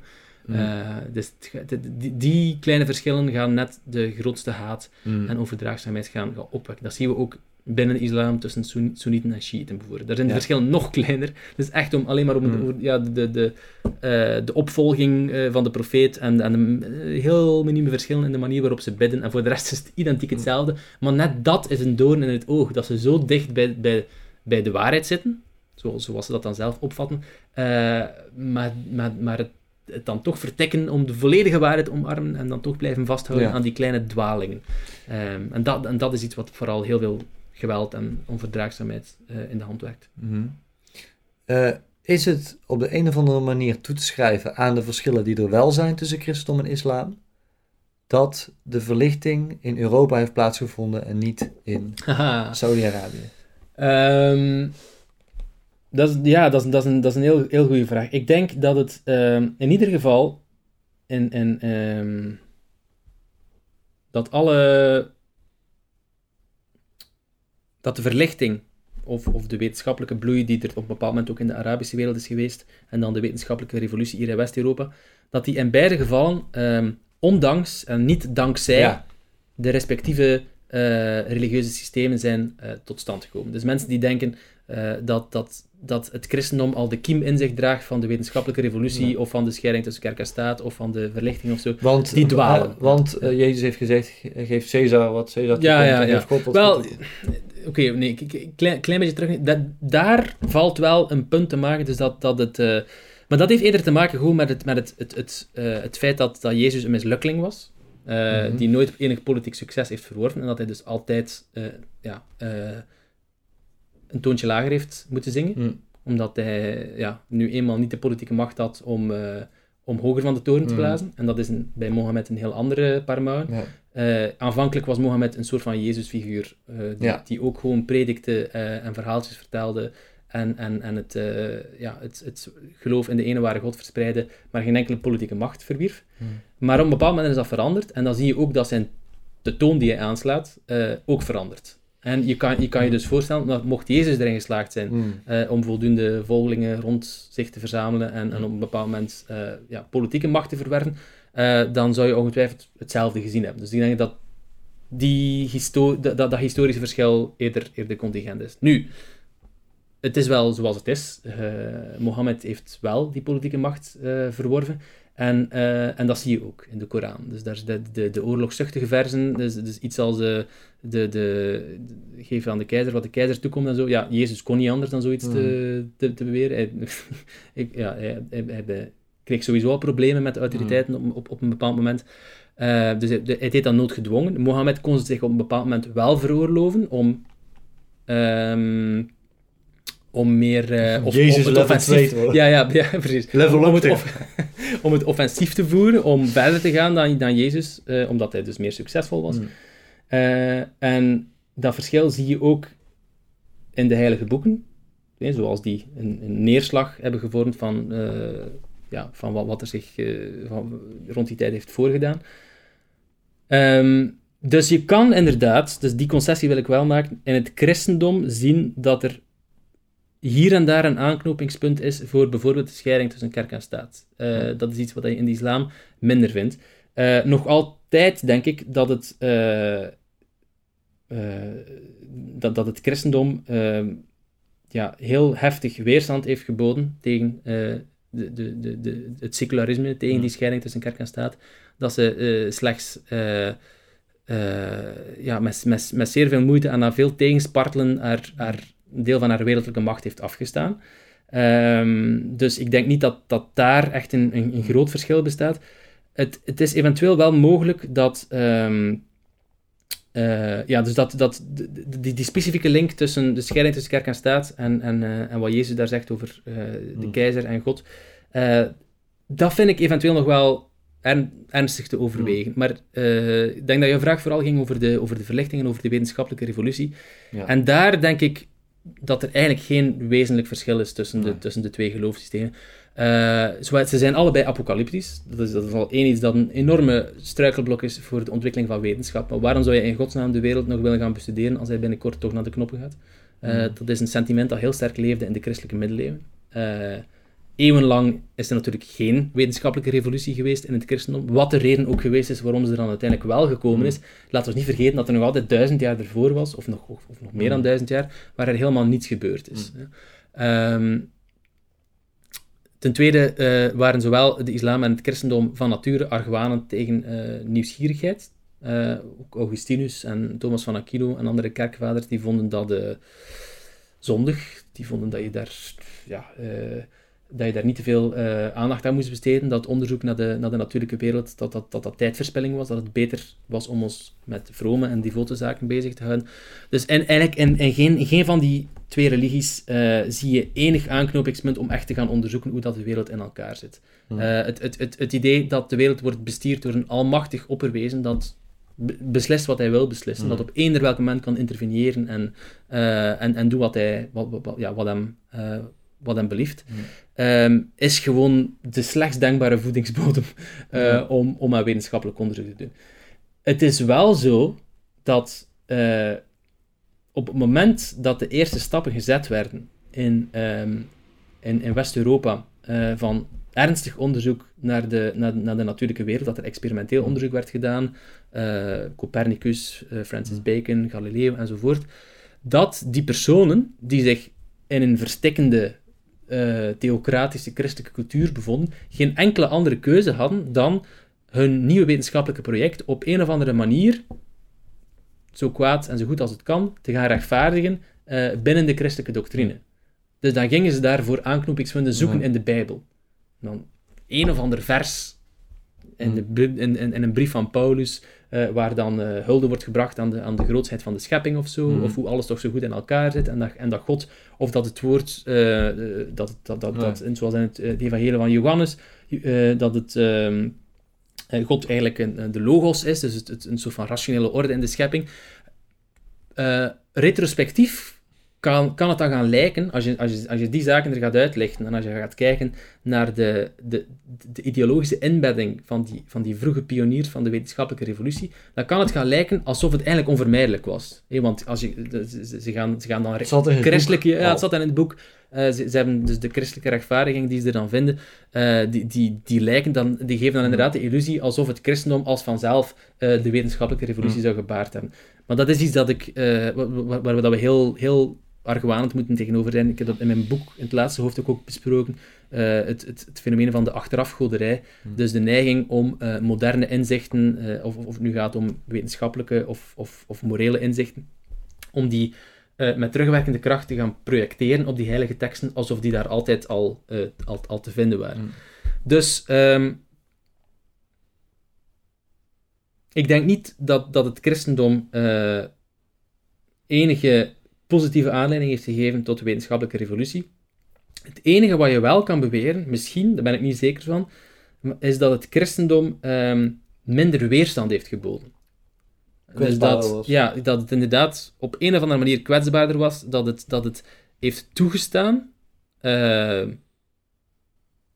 dat die wetenschappelijke revolutie uh, voet aan grond heeft gekregen en dat het onvoldoende de bedreiging heeft ingezien die die wetenschappelijke revolutie hmm. uiteindelijk zou betekenen voor het geloofssysteem. Want Galileo en Copernicus en Francis Bacon, die zeiden aanvankelijk van, ah, maar maak u geen zorgen, eh, want dat, eigenlijk sluit dat allemaal aan bij wat er in die heilige boeken staat, en we gaan gewoon de rationele orde van de schepping gaan onderzoeken, hmm. en, en dat zal allemaal bevestigen wat er al in de Bijbel stond, en, en, en het boek van de natuur en het boek van de schrift, die zullen elkaar gewoon uh, bevestigen en, en, en verrijken, Um, en, en er is geen enkele, geen enkele mogelijkheid dat, dat iets, dat onze onderzoekingen naar de natuur, dat die ooit uh, tot, tot ja, bevindingen zouden komen die, die een bedreiging zouden vormen voor het christelijk geloof. Want uiteraard ging iedereen ervan uit dat het christelijk geloof waar was. Dus hoe zou waarheid met waarheid kunnen in strijd zijn? Uh, en dat is een gigantische vergissing geweest van het christendom, vanuit hun eigen perspectief, uh, dat, ze, dat ze die wetenschappelijke revolutie niet meteen ehm, in de kiem hebben gesmoord. Ze hadden paternalistischer moeten zijn. Ze hadden wel paternalistischer. Ze hebben gewoon... Ze zijn erin getrapt, eigenlijk. Ze hebben, ze hebben toegelaten dat het ontstond. En, en het moment dat het echt te gevaarlijk werd, dat het niet alleen uh, een omwenteling betekende voor, voor de kosmologie, dat, dat, dat viel dan ook mee, dat de aarde dan uiteindelijk niet meer in het centrum van de schepping stond en zo. Maar, maar, maar, maar het hield daar niet bij op. Dan kwam er ook de geologie en de biologie en werd er studie verricht naar de Bijbel en naar literatuurwetenschap en zo. En uiteindelijk, alles kwam onder gigantische druk te staan. En hmm. dan, ja, dan was de geest uit de fles. Dan konden ze er hem niet, niet meer in krijgen. Hmm. En um, ja, hadden ze, hadden, ze, hadden ze geweten destijds wat hen toen te wachten stond, uh, waar die wetenschappelijke revolutie uiteindelijk uh, toe zou leiden, dan had de Inquisitie misschien nog veel harder opgetreden. Ja, ja. Um, en dat is het grote verschil met de islam vandaag. De islam heeft eigenlijk die kennis, die ervaring met het christendom als voordeel. Zij weten wat er met het christendom gebeurd is. Dus zij, zij, zij uh, toen de wetenschappelijke revolutie en het christendom ontstond, wist niemand waar het zou uitkomen. Dat is eigenlijk heel geleidelijk aangegaan. En op een bepaald moment stonden ze voor een voldongen feit en en dan vooral op het moment dat, dat Darwin zijn theorie ontwikkelde, was het eigenlijk afgelopen met het christendom. Dan, het geloof uh, bestond niet meer. Uh, was in, in ieder geval intellectueel gezien um, totaal de vernieling hmm. ingereden. Het verschil met de islam is dat zij wel weten waar het uiteindelijk dreigt op uit te draaien, mm. omdat ze weten wat er met het christendom gebeurd is. En ik denk, ik, ik, ik zou daar graag eens eh, iets over schrijven, ook over uh, het, het, het, het, bewustzijn binnen de islam van, um, van dus dat, dat historisch precedent van het christendom. Ik denk dat bij moslims heel sterk het sentiment leeft van, zeg, zie eens wat er met die christenen gebeurd is. Zij hebben wel toegelaten, en zij hebben wel uiteindelijk zich verzoend met de moderniteit en concessies gedaan. En nu, wat blijft er nog van over? Ze zijn een schim van zichzelf, die hele religie is verwaterd. Ze zijn eigenlijk zijn ze volledig overgelopen naar de, naar, naar de andere kant. Uh, en denk dat dat voor hen uh, heel sterk als een soort van waarschuwing dient van dit mag ons niet overkomen. Wij moeten heel... Mm. Uh, wij, wij, moeten, wij, wij moeten dus vooral in het achterhoofd houden wat er met het christendom gebeurd is. en wij moeten de hakken in het zand zetten. Uh, want anders zal het ons ook gaan overkomen. Um, en dat is een totaal andere ervaring. Dus zij hebben wel al, uh, zij kunnen profiteren dus van, dat, van dat historisch precedent van het christendom. En niet andersom. Wat vind je van de pogingen van Majid Nawaz om de islam te hervormen? Heb je daar vertrouwen in? Mm. Of is het boek te hermetisch om het zo te interpreteren dat het tot een seculiere, vrijzinnige, persoonlijke religie ja, uh, leidt? Kijk, als je nu zou terugkeren naar het christendom van in de 15e eeuw, ehm, en als je de christenen van toen even zo uh, een, een, vooruitblik zou geven naar de, de, de 20e of de 21e eeuw, van kijk, dit is hoe het christendom er dan zal uitzien, dan zouden ze het compleet bizar vinden. Of ze zouden ten eerste vinden, dit is geen christendom. Dat heeft, niks, heeft helemaal niks met het christendom te maken. Dat is, is een schim van waar het ooit geweest is, die... die, die uh, Um, heeft niks met de Bijbel meer te maken. Het, het geloof met de hemel en hel is volledig op de achtergrond verdwenen. Maar toch ja, is er een historische continuïteit en kunnen we wel zeggen, ja, dit is ook een vorm van het christendom. Um, Dus ik denk dat, dat religieuze systemen um, wendbaar zijn en flexibel. er is natuurlijk de factor van die heilige boeken, wat, er, wat erin geschreven staat, en die vormen een enorm, uh, ja, een enorm enorm een, een, ja, een, enorm blok aan ons been. Een, een, een, een, dood gewicht eigenlijk, dat aan, aan die hele, dat hele ideeënstelsel vasthangt. Maar hetzelfde kon je ook gezegd hebben over het christendom. Dus het christendom heeft ook heel geleidelijk allerlei dingen beginnen opgeven en op, op, een bepaald moment ja, schoot er gewoon niets meer van over. En, en ja, zijn er mensen die nog nominaal christen zijn of die nog een beetje aan zingeving doen of de rituelen volgen, maar eigenlijk in de praktijk is het gewoon totaal in rook opgegaan. Uh, dus ik sluit niet uit dat dat ook met de islam uh, zal gebeuren. Waarom niet? Mm. dus ik, ik, ik, ik kan me bijvoorbeeld voorstellen dat, dat, er een, dat er een beleving van de islam mogelijk is, die een zekere continuïteit met het verleden heeft, nog altijd, maar waarbij er veel minder de klemtoon gelegd wordt op de doctrines en veel meer op de rituelen, op het gevoel van saamhorigheid, op de gezangen misschien, op de bedevaart. Dat er gewoon, uh, ja, dat het uiterlijke vertoon nog wordt bewaard, maar dat het, het geloof en die, en, die, en, en, die mythologie en zo, uh, dat dat stelselmatig wordt verlaten. Nu zullen de fundamentalisten en de islamisten vandaag natuurlijk zeggen, ja, maar dat, dat is de islam niet. Dat heeft, want de islam is essentieel het geloof in de ene ware God. En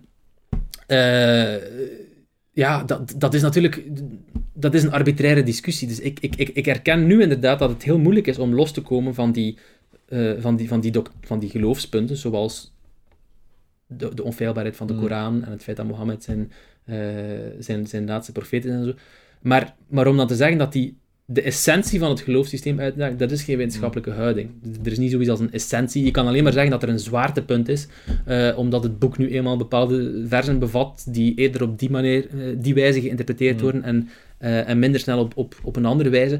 Maar, maar in principe is het mogelijk ja, dat, een, dat een religieus systeem volledig wordt omgevormd en als je ziet op, op welke creatieve manier dat het christendom daar heeft mee omgesprongen en, en, en in welke krankzinnige bochten die hmm. zich hebben gevrongen, ja. uh, dan, dan sluit ik niet uit dat dat ook in de, in de islam mogelijk is. Dus Majid ja. Um, ja, is, is, is in ieder geval wel iemand die ik vertrouw. Dus, die, hmm. dus iemand die, die, die, die het echt goed meent, die ook heel goed kan uh, isoleren wat, wat de problematische aspecten van, uh, van het geloof zijn hmm. en welke uh, en, waarom die moet verdwijnen. Het, het, idee van de sharia, de jihad, uh, het, de, het, streven naar een, uh, naar een kalifaat enzovoort, de doodstraf op, op afvalligheid.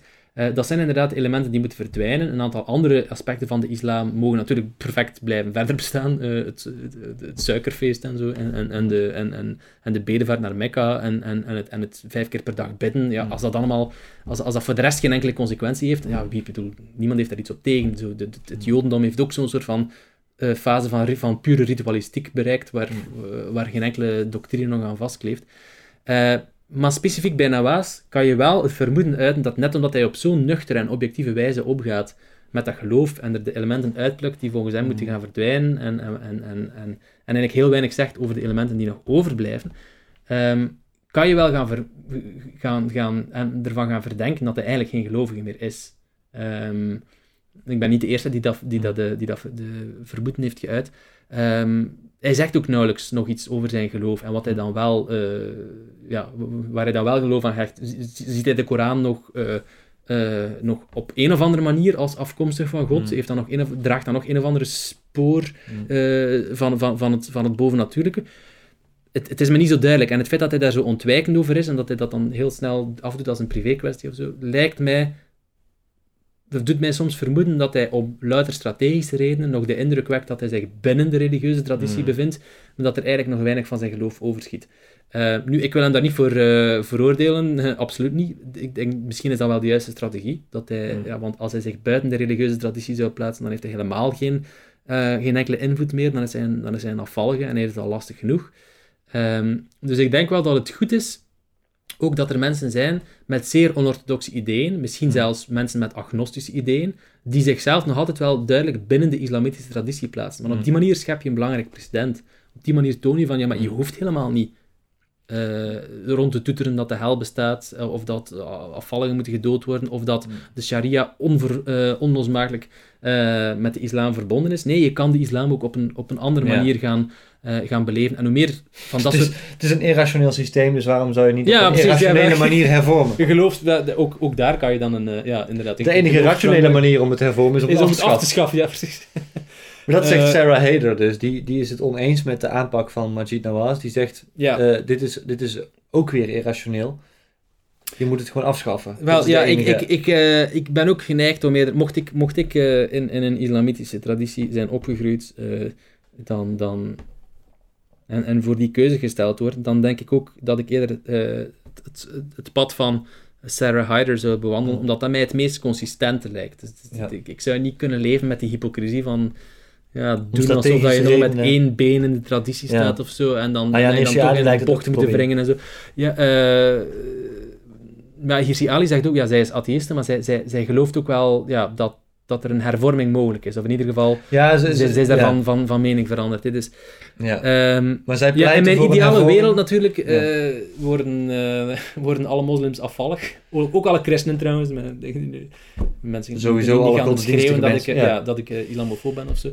Dus, maar, maar ja, je moet natuurlijk een beetje realistisch blijven. En ik denk dat voor sommige mensen is, dat, is dat een realistische kaart. Dat ze, dat ze gewoon de, de traditie verlaten. Maar uh, voor de, de, grote groep andere mensen kan het zijn dat het uh, in de praktijk haal, een haalbaarder hmm. kaart is.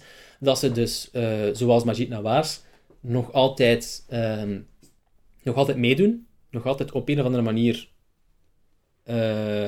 zichzelf binnen die religieuze traditie plaatsen, maar dat ze toch al die ballast hebben, uh, hebben afgeworpen. Hmm. Trouwens, je kan daar ook iemand als Ali Rizvi tegenover zetten, die is heel duidelijk atheïst, maar hij noemt zich wel moslim. Dus in die zin, die bevindt zich een beetje tussen Sarah Hyder en, uh, oh, ja. en Majid Nawaz dan.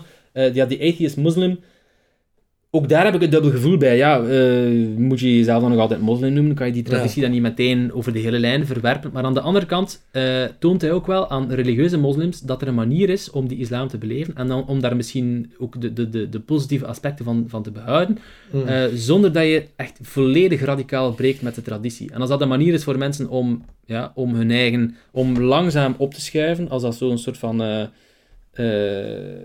ja, een, een, glijdende schaal is waar ze zich gemakkelijker kunnen over bewegen hmm. in plaats van die sprong te maken van geloof naar ongeloof.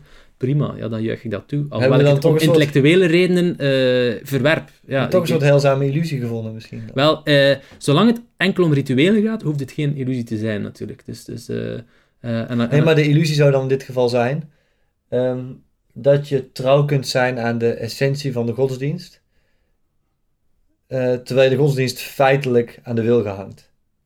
Wel, maar daar is de vraag, wat is feitelijk? Hè? Dus zoals we de islam nu vandaag opvatten, is het inderdaad de facto een vorm van geloofsafval uh, om het geloof in de Koran als, als, als openbaring op te geven. Goed, uh, dat was het ooit voor het christendom ook. Maar zal ik nu zeggen, ja, feitelijk is iemand geen christen meer als hij, als hij niet gelooft dat, dat de Bijbel het woord van God is, maar als hij gewoon gelooft dat, uh, ja, weet ik veel, dat, dat dat de Bijbel een, een, een, een document is dat de interessante... Ja, weet ik veel. Ja, het, het zijn niet, het moet iets betekenen. Ja, het moet, het, moet iets betekenen. Ja, maar, maar als het een meer uh, rituele uh, invulling krijgt, als het meer te maken heeft met, met wekelijks naar de kerk gaan... Met handelingen en minder met die Met tradities en, en met misschien de, de morele boodschap van, van, van Christus in, in, in het Nieuw Testament... Ja. ja. prima. Ik bedoel, en als, als die mensen zich christen noemen, zoals, zoals ook Joden zich Jood noemen, je hebt ook, je hebt ook atheïstische Joden. Ja, zijn dat dan geen Joden? Uh, dat, dat, eigenlijk zijn dat sociologische vraagstukken. Dus, dus uh, het staat niet in steen gebeiteld dat, een, dat een religie altijd moet afhangen van specifiek geloof in bepaalde doctrines. Dat is het historisch wel meestal geweest. En dat is het zeker in de islam. Ja, maar we hebben, nu niet alleen, we hebben het niet alleen over de verandering van de betekenis van het woord christen of het woord moslim. We hebben het ook over mensen zoals Majid Nawaz of, of nog, nog sterker, denk ik, Ayaan Hirsi Ali. Ayaan mhm. Ali is dus atheïst zelf. Mhm. Toch koos hij ervoor, om in de laatste boek, en in ieder geval, ik heb het boek niet gelezen, maar in ieder geval in het interview met John Stewart over het laatste boek, koos hij ervoor om niet meer te zeggen, word atheïstisch, stap uit het geloof, maar om te zeggen, ehm, lees het boek eh, anders. Probeer niet te leven zoals in de zevende eeuw, maar hè, prima dat het je heilig boek is, maar neem het niet te letterlijk, et cetera. Dus ze hield daar iets achter. Ze was niet meer helemaal ja. eerlijk. Dus wel, zou kunnen zeggen dat het paternalisme is, toch? Ja, wel, ik, zal nog een stap verder gaan. Uh, op een bepaald moment heeft ze zelfs opgeroepen dat moslims zich tot het christendom zouden bekeren. Dat was een heel oh, specifieke oproep om te zeggen van... Uh, ja. Als je dan toch uh, illusies nodig hebt... dat, dat lijkt me je reinste paternalisme. Precies. Um, ze is daar ook van afgestapt, denk ik. Hmm. Ik denk wel dat haar, haar strategie is eerder pragmatisch van... Ja, kijk ik promoot deze illusies niet. Dus voor eender wie die zich al aan de atheïstische kant bevindt, uh, aan die mensen zal ik niet zeggen, uh, zeg, uh, ik heb een aantal illusies die ik je aanbied, die, die misschien wel heilzaam zijn. nee, want die, die, die, die bevinden zich al op de juiste plek. Het is eerder voor de mensen die zich aan de andere kant bevinden. Ja, kijk, als je dan toch hardnekkig blijft vasthouden aan een of andere religieuze traditie, uh, als, als, als ik het voor jou wat kan gemakkelijken door het, door het pad wat te effenen of, of door, door een mm. beetje hindernissen weg te nemen. Uh, ja, kijk, hier is een soort van hybride tussenvorm uh, die de sharia verwerpt en, en, en, en de bestraffing van geloofsafval en zo. Maar dit en dit en dit um, kan je wel nog behouden. Ik denk dat dat mm. intellectueel gezien net, net verdedigbaar is. Ja, ja, ja. Dus, dus dus ik, ik, het is een, ik dans ook wel een beetje op die, op die slappe koord. Dus ik, uh, ik, ik heb ook af en toe gesprekken met imams en met gelovigen en zo. En, en ik, uh, en tot op zekere hoogte, als het, als het om liberale gelovigen gaat, heb je het gevoel ook wel dat je met die mensen een, een nuchtere discussie gaat voeren. Zij begrijpen ook wel wat het probleem is. Hmm. Uh, iemand als Nawaz doet dat. bij ons iemand als Khalid Benadou, die, uh, die begrijpt ook wel wat de aanknopingspunten voor geweld en overdraagzaamheid mm. zijn en, en dat die in die heilige boeken zitten en zo. Dus dat zijn, je hebt mensen die daar ook wel redelijk, uh, redelijk eerlijk over zijn. Um, dus ik, ik vind daar ook wel een, een, een soort van bondgenoot in. Dus over die, ja, uh, er gaat natuurlijk nog altijd een kloof tussen ons, maar ik denk wel dat daar, dat daar een gesprek over mogelijk is. Alleen, en dan kom ik weer tot mijn, mijn punt bij, bij Nawaas, krijg ik soms de indruk dat net omdat ze er over zo'n nuchtere manier over nadenken, uh, dat ik me soms afvraag of, ze, of ze eigenlijk echt hmm. zelf nog wel geloven. Want geloof is niet, ja, nogmaals, het is niet iets waar je zelf voor kiest. Dus je kan niet zomaar uit de Koran gaan plukken en zeggen van ja, maar dit, dit zouden we toch beter aan de kant schuiven en zouden we niet hmm. eerder de klemtoon leggen daarop. Uh, dat dat uh, een soort van, ehm, ja kersenpluk gaan doen in, in, in, in een boek. Kijk, wie het boek echt opvat als, als het woord van God, ja, die zal die attitude niet aannemen. Om diezelfde reden lijkt het me ook sterk dat moslims de oproep van Irsi Ali om zich tot het christendom te bekeren serieus nemen. Want als zij weten dat zij zelf een atheïst is, ja. dan zijn ze misschien wel slim genoeg om te denken, dit meent zij niet. Dit, ja, of of dit is toch maar een tussenstap. Precies, ze ja, wil ons eigenlijk atheïst maken, maar ze zegt christendom omdat ze denkt dat ze dat makkelijker van ons gedaan krijgt. En hoe, hoe geneigd ben je dan nog om haar advies op te volgen? Ja, zeker wanneer, wanneer zij stelt het echt voor als een soort van pakket van hervormingen. Uh, dat, en, en, zeker wanneer het van haar afkomstig is, uh, ja, is er e- eigenlijk is, is, is het ook een illusie om te denken dat dat, dat, dat ook enig effect zal hebben. Zeker iemand met reputatie als Hirsi Ali. Zij, zij moet haar christen mm. gaan voorwenden dat ze zelf een christen is, om dat overtuigend te brengen. Ja, maar dus ik denk dat het iets meer kans op slagen uh, in zich draagt als we mensen als Majid Nawaz en Khalid Benadou en Rashid Benzine, die zich wel binnen de traditie bevinden, maar die zich toch uh, bewust lijken van het probleem, mm. om die mensen op een of andere manier te gaan ondersteunen en te zeggen van ja, kijk, um, we hebben nog altijd liever dat je het gewoon helemaal vaarwel zegt, dat geloof. Want daar moet ik ook niet hypocriet over doen, want dan zou ik inderdaad gewoon een, een mm uh, uh, ja, mm. nuttige illusies aan het aanprijzen zijn. Maar voor zover je dan toch nog altijd blijft wil vasthouden aan, aan iets, mm en, en je voor jezelf toch nog kan volhouden dat je de essentie hebt bewaard, dat je nog altijd op een of andere manier moslim bent, mm wel, doe dan liever op die manier dan op die andere ah, manier. Uh, want uh, we willen liever niet mensen die uh, streven ja. naar, de, naar de invoering van de sharia. Ja. Om, om, nu maar iets te zeggen. Um, maar het, maar ja, het, het, blijft, het blijft sowieso een lastige evenwichtsoefening. Dus ik, ik denk niet... Ik, ik, ik, ik heb zelf nooit de behoefte gevoeld om, bijvoorbeeld zoals hier Ali, om echt uh, concreet te gaan bouwen aan een soort van liberale, gematigde of hervormde islam. eigenlijk, hmm. ja, als ik eerlijk ben, ik ga ook niet hypocriet over doen, hoop ik ook dat dat verdwijnt. Hmm. het is ook maar als het op pragmatische wijze een beetje de angel uit de hele zaak kan nemen, ja, dan vind ik het prima. Hmm. Maar, ik, maar ik vind het ook even irrationeel of zo. Dus ik, had, ik vind het... Uh, ik zou denken de, de fundamentalist en, de, en, en de liberale gelovigen, dus als, als Majid Nawaz nog altijd in God gelooft of zo, weet ik veel. Hmm. Maar daar, daar lijkt het toch op, ja, dat is nog altijd een irrationeel geloof. Hmm. Uh, of hij nu gelooft in een, in in een goedaardige, uh, barmhartige God, in plaats van een toornige en, en kwade God, blijft even irrationeel. Het is alleen iets veiliger voor onze samenleving. Dus het is, een, het is een iets onschuldiger illusie. Mm. Um, maar het blijft een illusie. Um, ja. Dus ik zeg, het is, ik, het is natuurlijk, ik zeg in mijn boek wel, de waarheid is altijd beter. Illusies zijn gevaarlijk, maar ik zeg niet dat elke illusie even gevaarlijk is. Mm. Dus er zijn, er zijn wel onderscheiden te ja, maken. Tuurlijk, ja. en, uh, en sommige illusies zijn relatief onschuldig. Al kan je nooit uitsluiten dat ze toch mm. tot... Ja. Uh, ja. Ik zou zeggen, laat de atheïsten atheïsme voorschrijven. Ja. En de secularisten secularisme voorschrijven. En laten we de gelovigen overspoelen met ontkrachting ja. Van hun overtuigingen. En dan zullen zij wel allerlei hypocriete tussenvormen gaan vinden. En laat dat aan ja, zelf dat over. Ja, precies. Maar, maar, maar we kunnen wel... Dus hoe, hoe, uh, hoe diverser en hoe, ergens ook wel... Hoe, hoe hypocrieter en hoe onoverzichtelijker dat al die tussenvormen worden, hoe beter.